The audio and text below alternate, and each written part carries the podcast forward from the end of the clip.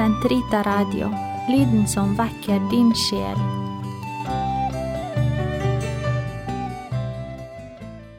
Katolsk syn på messen For mange år siden ble jeg sammen med min mor og to søstre buden til en festmiddag hjemme hos en fjern tante.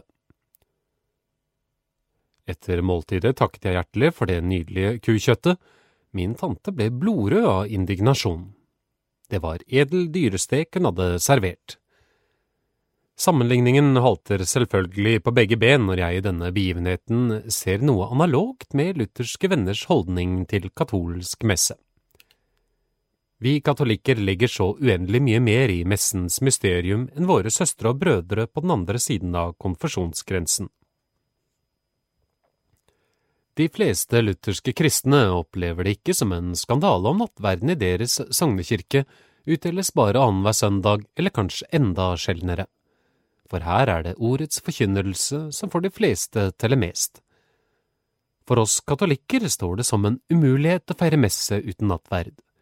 Det ville blitt en selvmotsigende torso, siden hele messen som sådan er en nattverdshandling. Noe i denne retning må våre tanker bevege seg for å ane hvorfor den katolske kirke ikke har åpent nattverdsbord, uten at jeg vil avslutte den såre debatten om interkommunion på et så ensidig og spinkelt grunnlag. For meg er Den hellige messe alfa og omega i mitt liv som prest. Jeg feirer denne hellige handling hver søndag og hver dag i kirkeåret, og ser frem til den dag da alle kristne vil samles rundt et felles nattverdsbord. Det vil helt sikkert skje når Kristi profeti går i oppfyllelse om at det skal bli én jord og én hyrde. Johannes 10, 16 Det er slike og lignende tanker som fikk meg til å ta med følgende foredrag i denne boken. Messens liturgi generelt. Når en norsk lutheraner kommer inn i en katolsk kirke og overværer en messe, vil han gjenfinne mye av den liturgien som han er vant med egen kirke. Slik vil ikke en tysk lutheraner oppleve det, kanskje heller motsatt. Under krigen skjedde det ikke så sjelden at tyske soldater kom inn i domkirken i Trondheim under en gudstjeneste og trodde de befant seg i en katolsk kirke. Årsaken var vel den at reformasjonen gikk mer rebiat til verks i Tyskland enn i Norge. I vårt land ble store deler av den katolske messen beholdt i lutherske kirker etter reformasjonen, og da helst som ramme rundt prekenen, som ble ansett som den viktigste del av gudstjenesten. Men selv om en norsk lutheraner ikke vil føle seg direkte fremmedgjort under en katolsk messe, vil hun allikevel oppleve forskjeller katolsk objektivisme kontra religiøs subjektivisme. Slik vil det for eksempel ikke gå en norsk lutheraner hus forbi at vi anvender mer prakt i våre kirker enn det hun er vant med i egne gudshus, særlig hvis hun besøker en katolsk kirke på sydligere breddegrader. Blomsterpynterkoret, ofte i store mengder. Det brenner flere lys enn det hun er vant med på hjemlige trakter, hun trekker inn lukten av røkelse som stiger opp av svingende røkelseskar. Hun registrerer at prestens messeklær er fargerike, legger merke til korgutter i sorte og hvite kjortler som tjener presten under hans liturgiske funksjoner, hun undrer seg over at kirkerommet er utstyrt med så mange bilder og statuer. Det er ikke til å undres over at mange protestanter etter slike sporadiske kirkebesøk tror at de som konverterer til den katolske kirke, gjør det fordi de er blitt så fascinert av blomster, prakt og røkelsesduft. Vi kan selvfølgelig ikke utelukke at enkelte svermeriske personer søker å bli opptatt i vår kirke på slike overfladiske premisser, men en slik konversjon er sjelden slitesterk. Når den religiøse hverdagen melder seg, forsvinner romantikken, man blir lei det hele og hopper av lasset. Spørsmålet melder seg, hvorfor all denne ytre prakt under våre gudstjenester? Kunne vi ikke greie oss med atskillig mindre?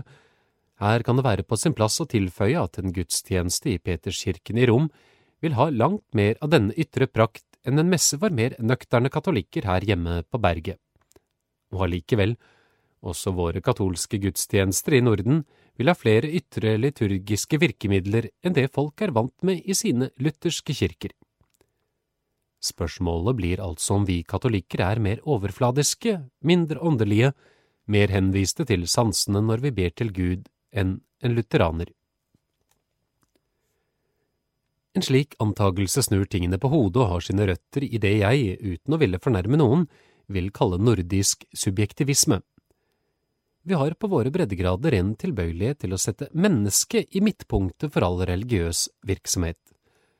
La meg illustrere denne holdning med noen eksempler. Vi motiverer ofte vår kirkegang ut fra jegets lyster og behov. Jeg trenger å gå i kirken i dag fordi jeg har så mye igjen for det. Eller jeg blir hjemme på denne søndagen fordi jeg ikke føler meg opplagt til kirkegang i dag. Eller jeg forsømmer min egen sognekirke og besøker heller nabokirken fordi jeg får så mye mer ut av prekenen til den presten som forretter der. Dessuten messer han så vakkert og taler så beroligende at jeg føler meg så inderlig trygg når han forretter. Også vi norske katolikker kan være smittet av denne religiøse subjektivismen og må stadig ta oss på tak for å bekjempe den. En mann som satt i resepsjonen i Sankt Dominikus i Oslo, ble så nedringt med spørsmål om det var den kjente pater Riiber Moen som skulle forrette førstkommende søndag, at hun til slutt bare svarte det er en katolsk prest som skal lese messen. Så slengte hun på røret. Spørsmålet blir påtrengende, går vi til en jeg-tjeneste eller en gudstjeneste? Det er vel denne religiøse subjektivisme som gjør at mange nordmenn som bivåner en katolsk messe, kanskje for første gang i sitt liv, tror at alle disse ytre liturgiske gjenstander og handlinger er til for kirkelydens skyld for å skape stemning. Med en slik forhåndsinnstilling kan man forstå deres kritikk av vår tilsynelatende overdådige liturgi. Sa ikke mesteren selv at vi skal tilbe Gud i ånd og sannhet? En religiøs salto mortale må til for å sette seg inn i katolsk forståelse av messeliturgien. Blomster, lys, røkelse, fargerike bilder og korklær er ikke der for å skape subjektive stemninger hos de kirkebesøkende. Alt dette skjer primært for Guds skyld. Vi trekker Guds eget skaperverk inn i kirken. Vi gir Gud tilbake det han har skjenket oss, all den skjønnhet han har drysset ut over vår jord, fører vi takk lov og tilbedelse tilbake til ham som har skapt alt dette, for så i neste omgang å få det tilbake igjen som gave. Med en slik innstilling bevarer vi en viss indifferentisme til det estetiske. Det blir ikke så viktig for oss at liturgiens utforming i den kirken vi vanligvis besøker, stemmer overens med vår kunstneriske smak, om vi setter pris på salmenes musikalske valør om vi liker blomstens sammensetning, om vi misliker røkelsen på de store festdager, eller finner paramentenes fargesammensetning disharmonisk. Det alt avgjørende er at liturgien med sine ytre effekter åpner vårt sinn for mysteriet for Gud. Ikke mennesket med sitt labile følelsesliv står i messens sentrum, men den allmektige Gud som har skapt himmel og jord. Slik kan vi i reell forstand tale om gudstjeneste. Vi tar imot alt fra Gud, men vi tjener også Gud ved å gi oss selv alle hans gaver tilbake til ham, uten derved å berike ham ytterligere i hans uendelige fullkommenhet. Kroppsholdninger Enda en ting våre ikke-katolske venner biter seg merke i under våre gudstjenester, er kirkelyden og prestens kroppsholdninger. Ikke bare at vi sitter og står under messen, vi kneler også. Flere ganger gjør vi det store eller lille korstegnet. Ja, og så slår vi oss for brystet under synsbekjennelsen. Det vil også bli lagt merke til at alle gjør dette samtidig, så tanken lett oppstår at vi er veldisiplinerte soldater som ekserserer på kommando. Presten ved alteret gjør dessuten en del ubegripelige geberder, tilsynelatende for egen regning tanken melder seg med fornyet overbevisning. Den katolske kirke appellerer mest til det ytre mennesket og stenger dermed veien til indre fordypelse. Men også her, når det dreier seg om kroppsholdninger, må vi gjøre en religiøs snuoperasjon, se på tingene fra en helt motsatt synsvinkel. Vi bruker ikke kroppens liturgiske holdninger først og fremst for å oppbygge oss selv, men for å bedre og kunne ære, prise, tilbe, elske Gud med hele vår person. Vi trekker konsekvensen av at mennesket ikke bare består av en åndelig sjel, men også av stoff, materie. Det hele mennesket er både ånd, sjel og kropp. Det er dette hele mennesket som under messen taler til Gud, lovpriser og tilber ham. Nye retninger innen legevitenskapen streifer inn på lignende tanker, anvendt på sitt fagområde, når den taler om psykosomatiske sykdommer, at legemlige sykdommer har sine årsaker også i en sjelelig svakhet og omvendt. Anvender vi dette prinsippet om vekselvirkninger mellom det kroppslige og sjelelige på liturgien, blir det lett forståelig at når menneskets ånd gripes av Gud, virker dette også inn på vår kropp. Så det faller naturlig å knele for ham, løfte hendene i bønn, angrende slå seg for brystet, ja endog som Jesus i oljehaven, falle til jorden i full overgivelse. Omvendt vil menneskets ånd ha lettere for å fordype seg i messens avgrunnsdype mysterium når også kroppen uttrykker det ånden higer etter å meddele Gud. Når mann og kvinne elsker hverandre, kan de uttrykke sin kjærlighet med tørre ord. Opplevelsen av gjensidig kjærlighet blir sterkere når de gir hverandre hånden eller omfavner hverandre.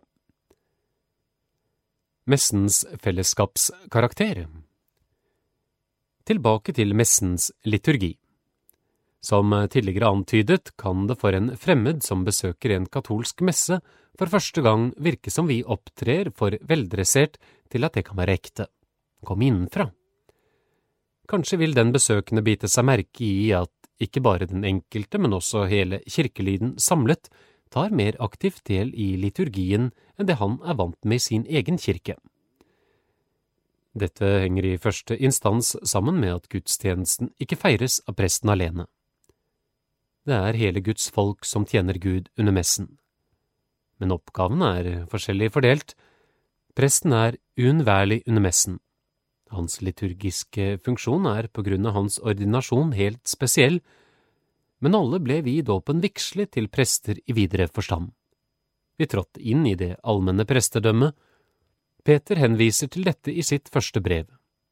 Vi er et hellig presteskap som skal frembære våre åndelige offer. Første Peter 2,5 Som allmenne prester har vi alle våre liturgiske funksjoner under gudstjenesten. Én spiller orgel, noen synger i koret, gutter og jenter gjør altertjeneste, noen leser dagens tekst for hele menigheten, andre finner sine plasser i kirkebenkene hvor de trer inn i vekselbønn med presten og mentalt tar del i hans liturgiske handlinger. Men alt skjer, skal i hvert fall skje, samstemt. For under messen handler vi ikke bare som enkeltindivider, vi er Guds folk som i fellesskap lovpriser Gud. Den private, individuelle bønn også nødvendig. Når dette er sagt, vil jeg straks tilføye at vår liturgiske fellesbønn ikke gir tilstrekkelig føde for vårt fromhetsliv. Vi skal også daglig gå inn i vårt lønnkammer og fordype oss i den private bønn. Da ber vi alene, helt fritt med de ord og holdninger ånden tilskynder oss, eller vi mediterer i all stillhet. Kanskje tar vi da for oss noen ord fra Bibelen og lar dem synke ned i sinnets dyp, der Gud og menneske møtes. Pleier vi begge disse former for bønn, den liturgiske og den individuelle, vil vi snart oppleve at den private bønn beriker vår aktive deltagelse i den liturgiske bønn, og omvendt at den aktive deltagelse i liturgien befrukter vårt private bønneliv. Før jeg går over til de enkelte deler av messen, vil jeg uttrykke mitt håp om at ovenstående redegjørelse ikke oppfattes som kritikk av gudstjenester i andre kirkesamfunn. Mye av det jeg har sagt, eh, preger liturgiske handlinger også i ikke-katolske kirker. I dag finner liturgisk reformarbeid sted i alle kirkesamfunn. De kan gjensidig lære av hverandre. Når jeg allikevel har behandlet disse generelle sidene ved messens liturgi så inngående, skyldes det den fremmedgjøring som mange protestanter opplever når de er til stede under våre messer, og da særlig når de befinner seg i utlandet. Messens teologiske innhold La oss gå over til messens innhold. Jeg har vært i tvil om hvorledes jeg skulle utforme denne delen av foredraget. Jeg kunne i følgende tatt eh, for meg hvert enkelt ledd i den katolske messeliturgien og forklart dets religiøse betydning. Jeg kunne videre ha sammenlignet disse leddene med de tilsvarende i den lutherske høymesseliturgi og vist overensstemmelser av forskjeller. Jeg vek tilbake for en slik fremgangsmåte fordi vi da lett ville mistet synet av skogen for bare trær, altså at messens avgrunnsdype mysterium ville ha druknet i detaljforklaringer. Så jeg valgte i stedet å konsentrere meg om hele messens teologiske innhold, dens innerste vesen messen forstått som et måltid. En katolsk messe er først og fremst et måltid.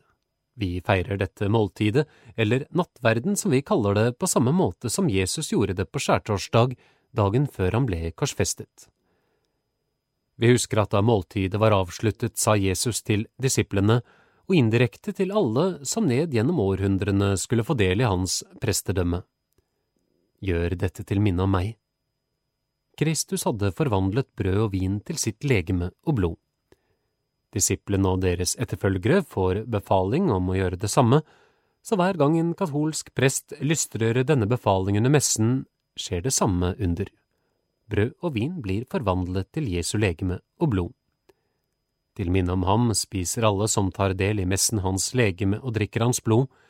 Slik blir de inderlig ett med Kristus og derved også ett med hverandre. Det siste er like viktig som det første. Hva forstår vi med et måltid i vår tid? Nattverdens teologi, som ovenfor beskrevet, lyder noe virkelighetsfjernt fra Vestens nøkterne menneske. For hva betyr vel et måltid i dag uten at dette ene, å ta til seg jordisk næring, fyller kroppen med kalorier og vitaminer? Familiens medlemmer lever ofte spredt for alle vinder. I mange hjem krever arbeidssituasjonen til far, mor og søsken at den enkelte spiser når det passer ham eller henne. Ved frokostbordet sitter han og hun gjemt bak hver sin avis, kveldsmaten blir inntatt i all hast mens radioen støyer og fjernsynet flimrer. I vår opprivende tid har måltidet mistet mye av sin sosiale karakter.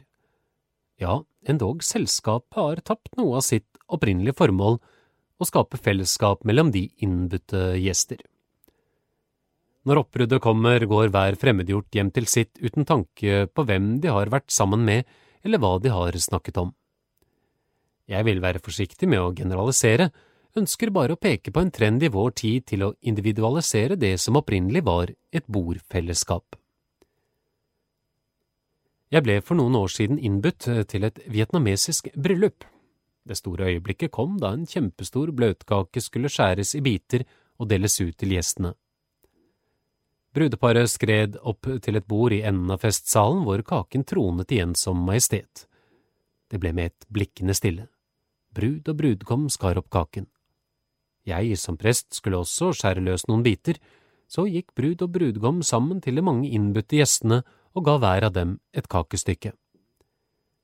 Jeg i min naivitet spurte de to hva denne seremonien innebar. Kaken, det er oss to, fortalte de. Kaken, det er vår lykke i dag, den vil vi gi videre til våre venner. Hvor milevidt forskjellig var ikke dette bryllupsmåltidet, preget av Østens tankegang fra et uforbindelig selskap i dagens Norge. Kakeseremonien skulle skape enhet mellom brudeparet og gjestene, og gjestene seg imellom. Intuitivt ante jeg min rolle i seremonien. Som prest skulle jeg bidra til å gjøre måltidet sakralt, Brud og brudgom var begge buddhister. Måltid i gammeltestamentlig tid Denne vietnamesiske bryllupsfeiringen har felles trekk med måltidsbegrepet slik det ble forstått i Det gamle testamentet og langt inn i det nye. For semitten innebar ikke et måltid kun dette ene, å ta til seg næring, det hadde også en sosial funksjon. Måltidet bandt deltakerne sammen med varige bånd, Verten og gjestene gikk inn i et brorskapsforhold ved å spise sammen. Verten var måltidets selvskrevne midtpunkt. All utstråling gikk ut fra ham. Han oppfartet sine gjester og sørget for at de fikk rikelig med mat og drikke. Slik bandt verten gjestene til seg i evig vennskap, slik ble også gjestene seg imellom forenet i varig og forpliktende brorskap. Det rituelle måltid i gammeltestamentlig tid Guds utvalgte folk i Det gamle testamentet kjente også til det rituelle måltid. Der var det Herren, Israels Gud, som var verten. Alle som tok del i et rituelt måltid, ble knyttet til Israels Gud i en ubrytelig pakt. De tilegnet seg guddommens liv og kraft og inngikk et nært forhold til ham, Samtidig ble de som delte bordfellesskap med Herren knyttet til hverandre med sakrale vennskapsbånd. Israelittene hadde i 400 år trellet under egypterne. Moses ble sendt av Herren for å befri dem fra trellekåret og føre dem til det landet som fløt av melk og honning.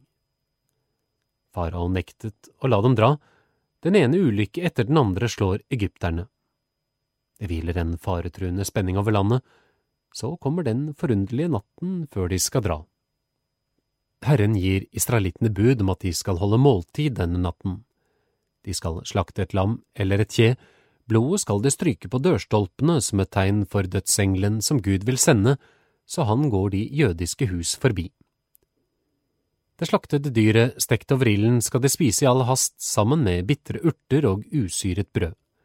De skal spise måltidet stående med sandaler på føttene og stav i hånden, klare til å legge ut på en lang reise. Dette er det viktigste rituelle måltidet i Israels historie. Vår Gud er deres vert og de selv er gjestene. De kan ikke feire dette måltidet i samlet flokk under åpen himmel, for da ville de bli oppdaget av egypterne og straffet hardt, og allikevel i denne dunkle, farefylte natt og alle inntar det samme hemmelighetsfulle måltid, er hver husstand en taus del av et stort fellesskap, hvor alle har den samme guddommelige vert. Hver gjest ved dette sakrale måltid blir i denne natt forbrødret med jave, og disse nomadestammer som var splittet og uenige seg imellom, blir ved dette måltid og den farefulle vandring gjennom ørkenen sveiset sammen til et folk.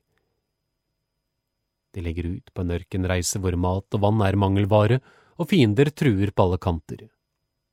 De setter sin lit til Herren, for han har ved et hellig måltid svoret dem troskap og gjort dem til et mektig folk.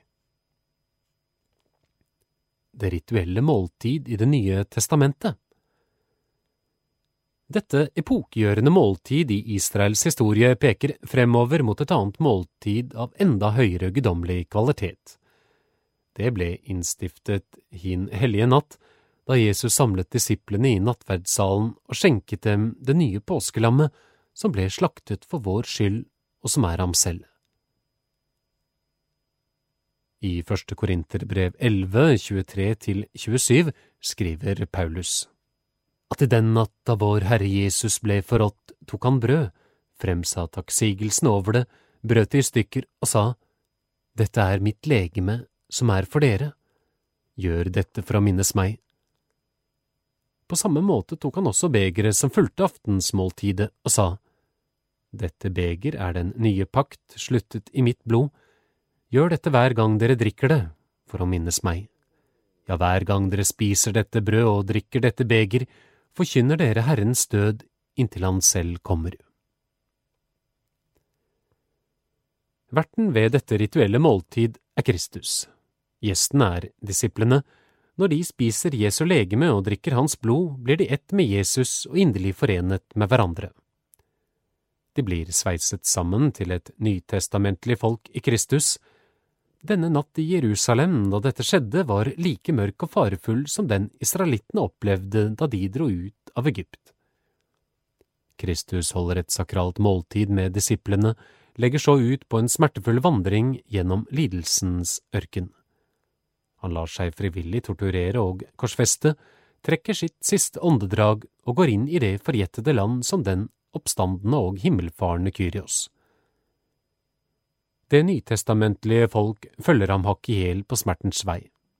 Det blir sendt ut i all verden for å forkynne det glade budskap til alle folkeslag. De første medlemmene trer ut av tempelet og synagogen. De bryter båndene som knytter dem til eget land og folk. De drar ut i verdens farefulle ørken. Her venter forfølgelser, mørke fangehull i romerske fengsler, ville dyr i Colosseums arena, martyrdøden for mange.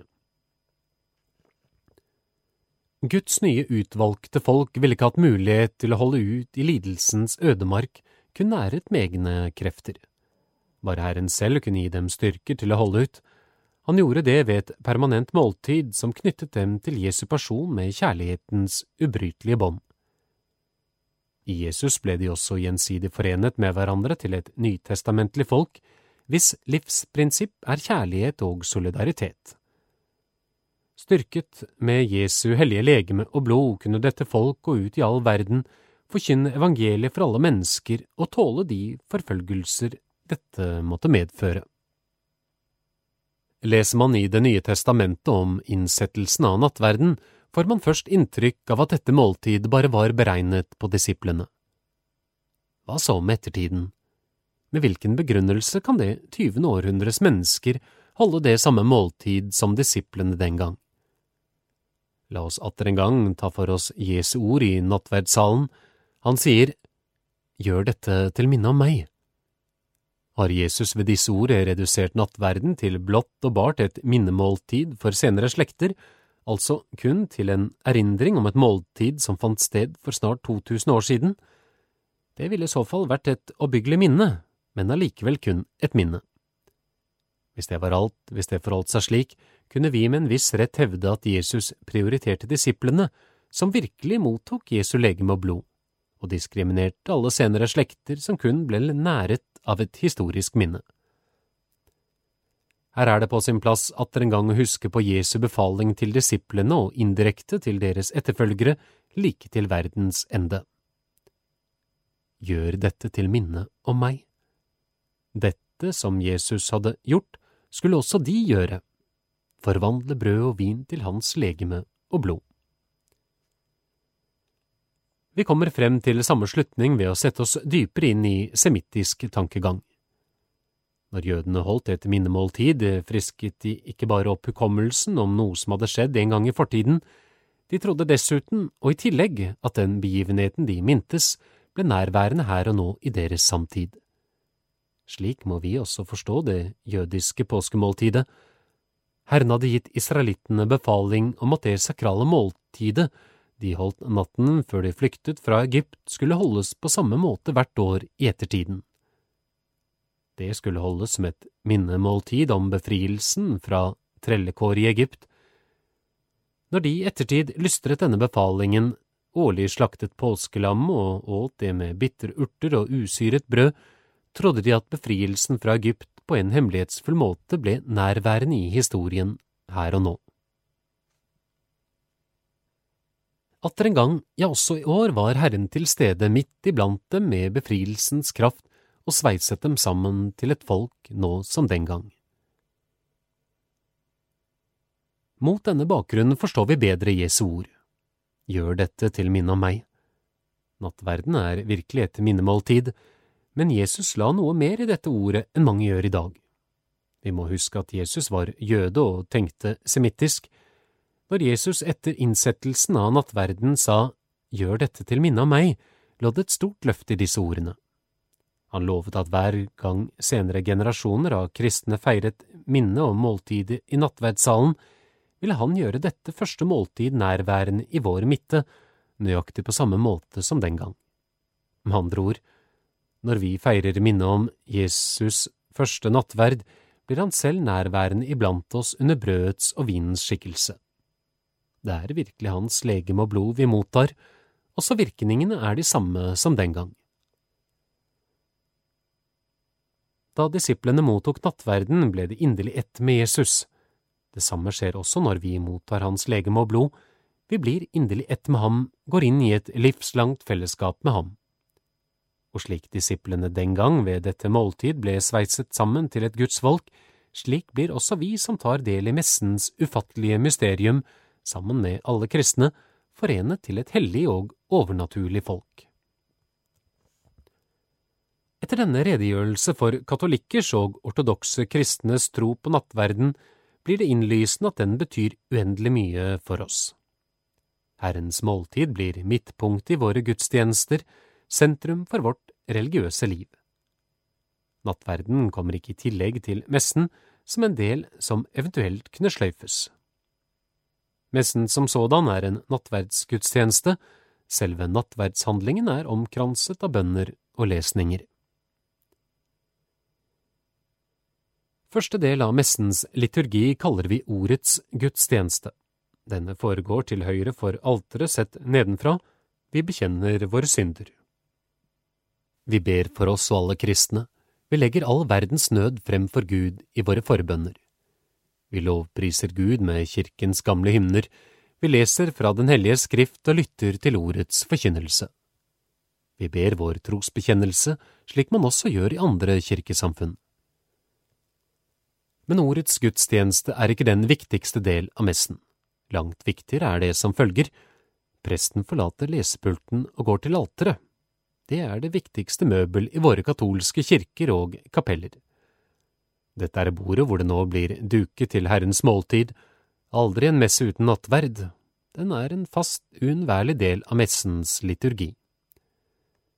Mange katolikker mottar nattverden eller Den hellige kommunion, som vi vanligvis kaller den, hver søndag. Vi feirer også messen på vanlige hverdager. I det store utland er det ikke så helt få katolikker som daglig deltar i en tidlig fromesse før de tar til med husarbeidet eller vandrer til jobben. Vi vet at i ur- og oldkirken var det vanlig å rekke Herrens legeme og blod endog til spedbarn. I syndens land er i dag den vanlige alderen for å motta den første hellige kommunion syv år, i Norge ni–ti år. Barna blir grundig forberedt et års tid, vi krever ingen dyp teologisk forståelse av barna. Hvorfor skulle vi nå gjøre det, når selv vi som voksne fatter så lite av dette troens mysterium? Når vi i undervisningen er kommet så langt at barna begriper at det ikke er vanlig brød de skal motta, men Jesus, som skjuler seg under brødets skikkelse og ønsker å tre inn i deres hjerter, lar vi dem gå til alters. Slik går Jesu ønske i oppfyllelse, la de små barn komme til meg.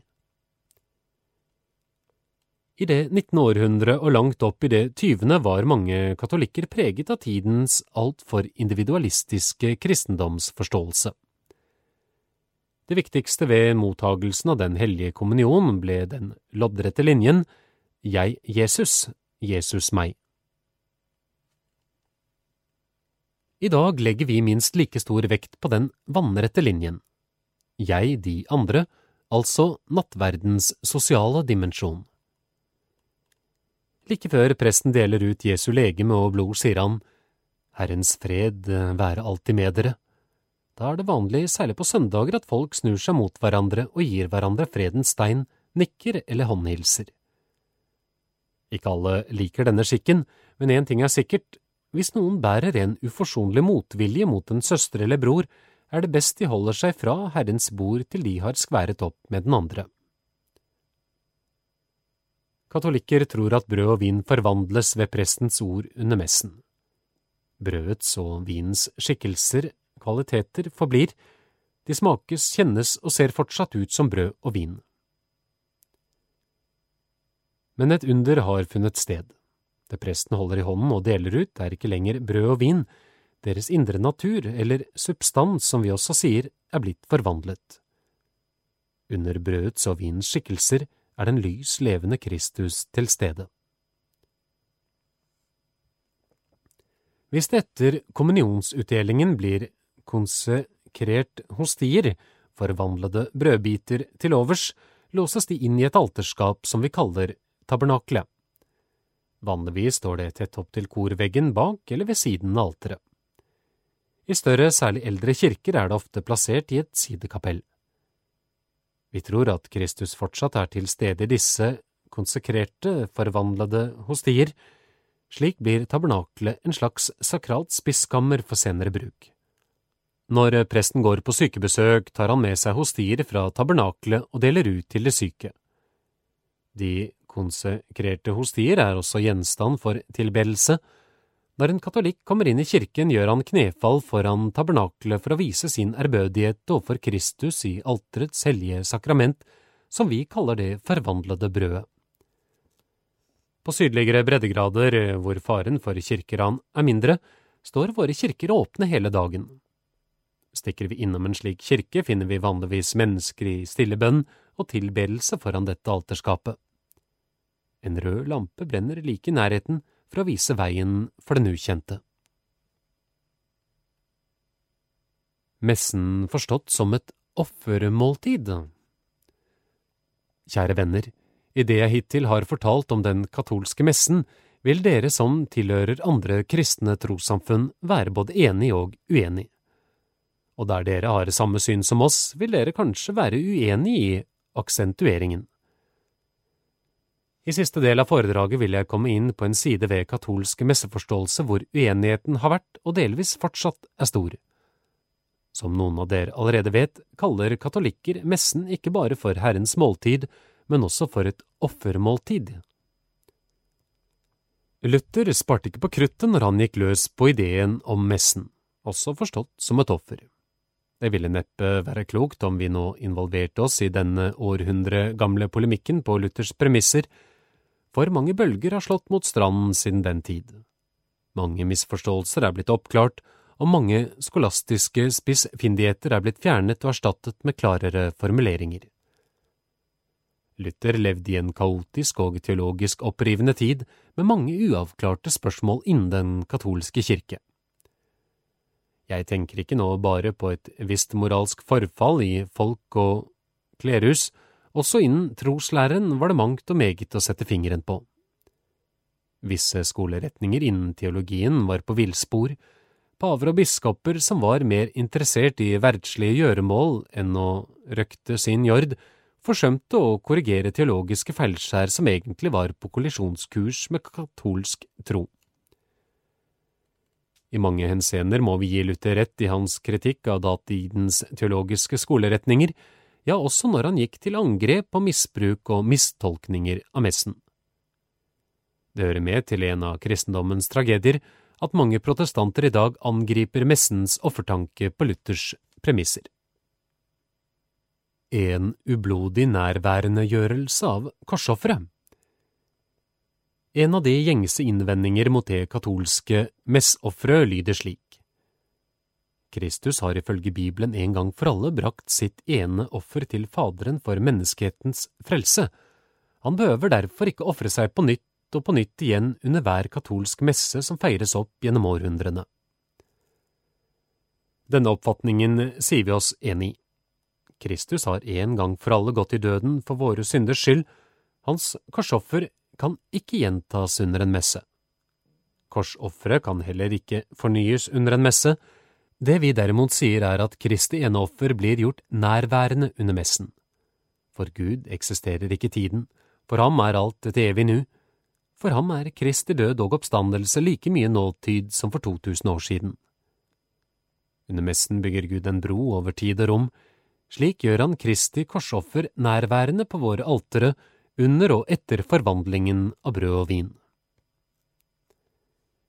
Mot dette kan man innvende at hvis så var tilfellet, da måtte Kristus lide sin blodige og smertefulle død hver gang en messe ble feiret. Det er en usmakelig tanke. Men det hevder vi da heller ikke. Det vi sier er at Kristi korsoffer blir gjort nærværende på våre altre på en ublodig og smerteløs måte. Misforståelsen beror på at katolikker og protestanter har et forskjellig syn på hva Kristi offer bestod i. Det ville føre for langt å gå grundig inn på dette her. Etter vanlig protestantisk tankegang besto Jesu offer i en straff som Faderen ila sin sønn. En straff må nødvendigvis være forbundet med smerte, og i Jesu tilfelle også med blod. Slik ser ikke katolikker på Jesu offerdød. Det som gjorde hans offer på Golgata verdifullt for Gud og fortjenestefullt for oss mennesker, var hans hjertes sinnelag. Dette sinnelaget hadde han under hele sitt jordiske liv. Dette sinnelaget besto i en total selvhengivelse til Faderen, i kompromissløs lydighet og kjærlighet. Det var dette selvhengivelsens offer som reparerte alle de skader vi mennesker hadde forvoldt på vårt vennskap med Gud ved vår ulydighet og kjærlighetsløshet. Det er denne livslange selvhengivelsen til Faderen, en hengivelse som nådde sitt høydepunkt da han døde for oss på korset, som vi katolikker betegner som Kristi offer, som hans soning for oss mennesker. Det er denne samme selvhengivelse til Faderen som bestjeler ham, også når han er til stede under brøds og vins skikkelse under messen.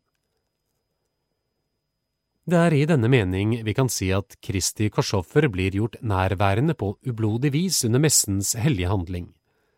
Som historisk person under henrettelsen på Golgata manifesterte Jesu selvhengivelse seg på en blodig og smertefull måte.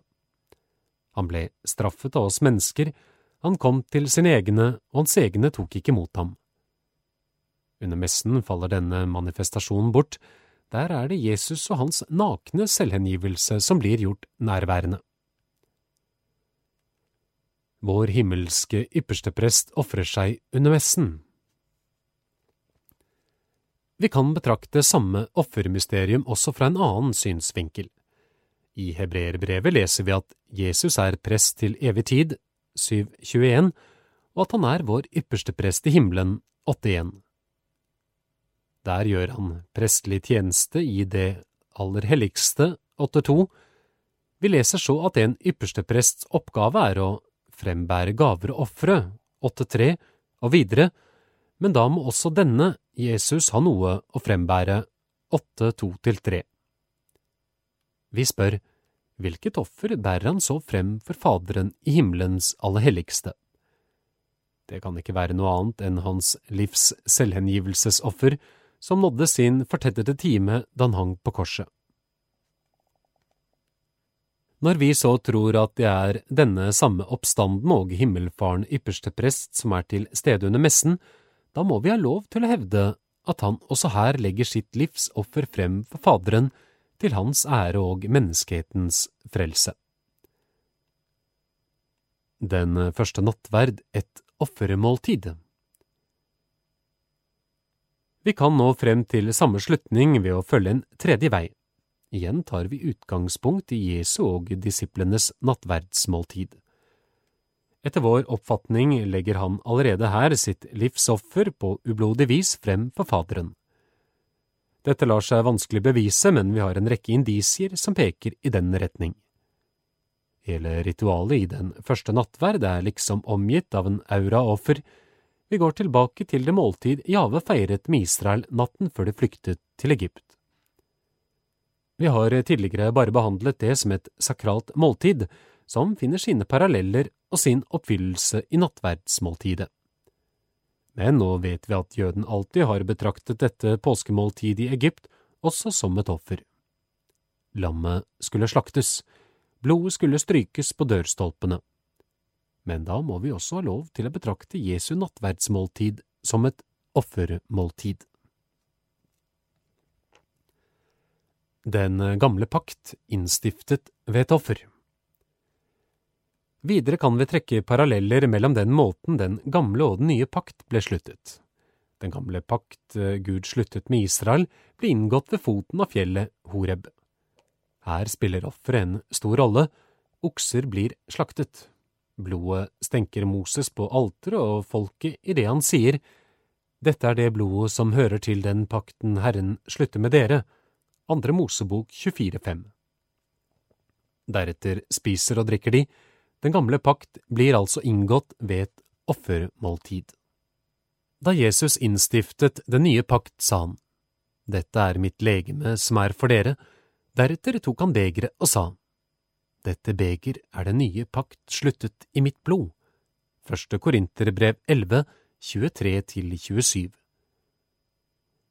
Likheten mellom disse to begivenheter er slående, ikke minst mellom de ord som ble sagt, den gamle pakt ble inngått ved et offermåltid. Det står fast. Da ligger det snublende nær å anta, på grunn av denne slående likhet, at den nye pakt, sluttet i Jesu blod, også var et offermåltid. Med andre ord, allerede i nattverdssalen legger Jesus sitt livs offer frem for Faderen under et sakralt måltid. Han foregriper på ublodig vis det offer som skulle nå sitt høydepunkt dagen etter, på langfredag, under uhyggelige sjelelige og legemlige smerter.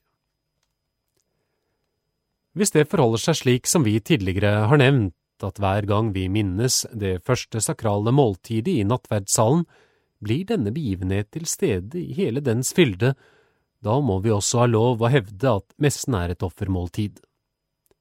Da går profeten Malakis profeti i oppfyllelse, for fra solens oppgang til dens nedgang er mitt navn stort blant folkeslagene, og på hvert sted blir det båret frem et røkoffer til mitt navn og en ren offergave. For mitt navn er stort blant folkeslagene, sier Jave, allhærs Gud. Malaki 1, 11–12 Oversettelse fra Jerusalem-bibelen. Ja, fra solens oppgang til dens nedgang, det vil si over hele jorden, blir denne rene offergave lagt frem for Faderen når messeofferet feires overalt på jorden. Vår deltagelse i messeofferet. Siste punkt i dette foredraget vil jeg streife litt inn på vår deltakelse i messeofferet. Vi tror for det første at Jesu ene offer som blir gjort nærværende under messen, kommer oss og alle mennesker til gode. All den forsonede forløsning, all den kraft, tilgivelse og nåde som Han har fortjent for oss, strømmer inn i hjerte og sinn under dette offermåltidet. Særlig skjer dette når vi i slutten av messen går til alters.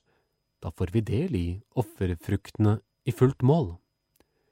For det annet, på grunn av messens toveiskjøring må også vi på en eller annen måte ta del i messens offerhandling.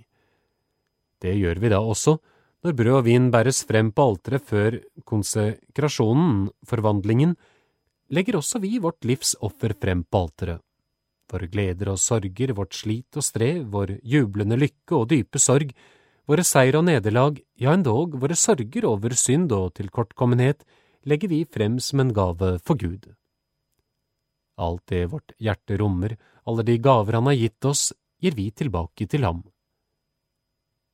Brødet og vinen som bæres frem, er et bilde på alt dette, de representerer vår åndelige gaver, vår hengivelse til Gud. Denne offertanke har sitt fundament i Bibelen, som døpte kristne tar vi del i det allmenne prestedømmet. Derfor skal vi, som Peter sier, bli et hellig presteskap til å frembære åndelige ofre. 1. Peter 2,5 Denne tanke volder enkelte store vanskeligheter. Har våre åndelige offergaver noen som helst betydning for Gud? I seg selv som sådanne har det ikke det. Men så tror vi videre at når Jesus under forvandlingen gjør sitt livs offer nærværende på alteret, da tar han våre skrøpelige offergaver opp i sitt fullkomne offer og legger alt frem for Faderen for å bruke et bilde. Våre offergaver er rustent jern. Når det forenes med Kristi offer av gull, blir det rustne jernet forgyllet og verdifullt i Guds øyne. I forening med Jesus store offer blir våre små offergaver verdifulle for Gud. Igjen siterer jeg første Peters brev 2, 5–6. Bli et hellig presteskap til å frembære åndelige ofre, slike som Gud med glede kan motta gjennom Jesus Kristus. Isolert sett er våre offergaver bare menneskeverk og verdiløse for Gud, men ofrer vi dem gjennom Jesus Kristus, blir de Gud til stor glede. Etter forvandlingen trekkes vi enda inderligere inn i Jesu ene offer. Paulus skriver at kirken er Jesu legeme. Han er hodet, og vi er lemmene på dette legemet. Kolosserne 1, 18. Når hodet ofrer, må også vi som er lemmer på hans legeme, aktivt ta del i offerhandlingen, og når hodet ofres, må også vi som er lemmene, ofres med ham. Det er den ene fulle Jesus Kristus, hodet og lemmene som ofrer og blir ofret. Her finner vi forklaringen på at katolikkere betegner messen som en handling her finner vi årsaken til all den aktivitet vi legger for dagen under våre gudstjenester. Vi sier ikke messen, vi leser ikke messen, vi tar del i messen. Eller vi feirer messen som en handling, hvor ikke bare Kristus, men også vi som grener på hans tre tar aktivt del. Allikevel er forskjellen mellom Jesu og vår rolle uendelig stor. Han er den uendelige, fullkomne og syndefrie ypperste prest som ofrer i egen kraft. Vi er syndefulle menneskekryp som kun av nåde får lov til å forene oss med hans offerhandling. Messen et utømmelig mysterium Messen er et uendelig og ufattelig mysterium. Ord kommer sørgelig til kort når det skal beskrives, så kanskje har jeg bare forvirret dere med mine forsøk på forklaringer. De står i sin ubehjelpelighet laglig til for hugg, de skulle ikke i seg selv være misvisende, men de makter på ingen måte å uttømme mysteriet. På den annen side skal vi være glade for det, for hvis mysteriet kunne forklares og uttømmes med klare menneskelige ord og begreper, da var messen kun menneskeverk og av liten interesse.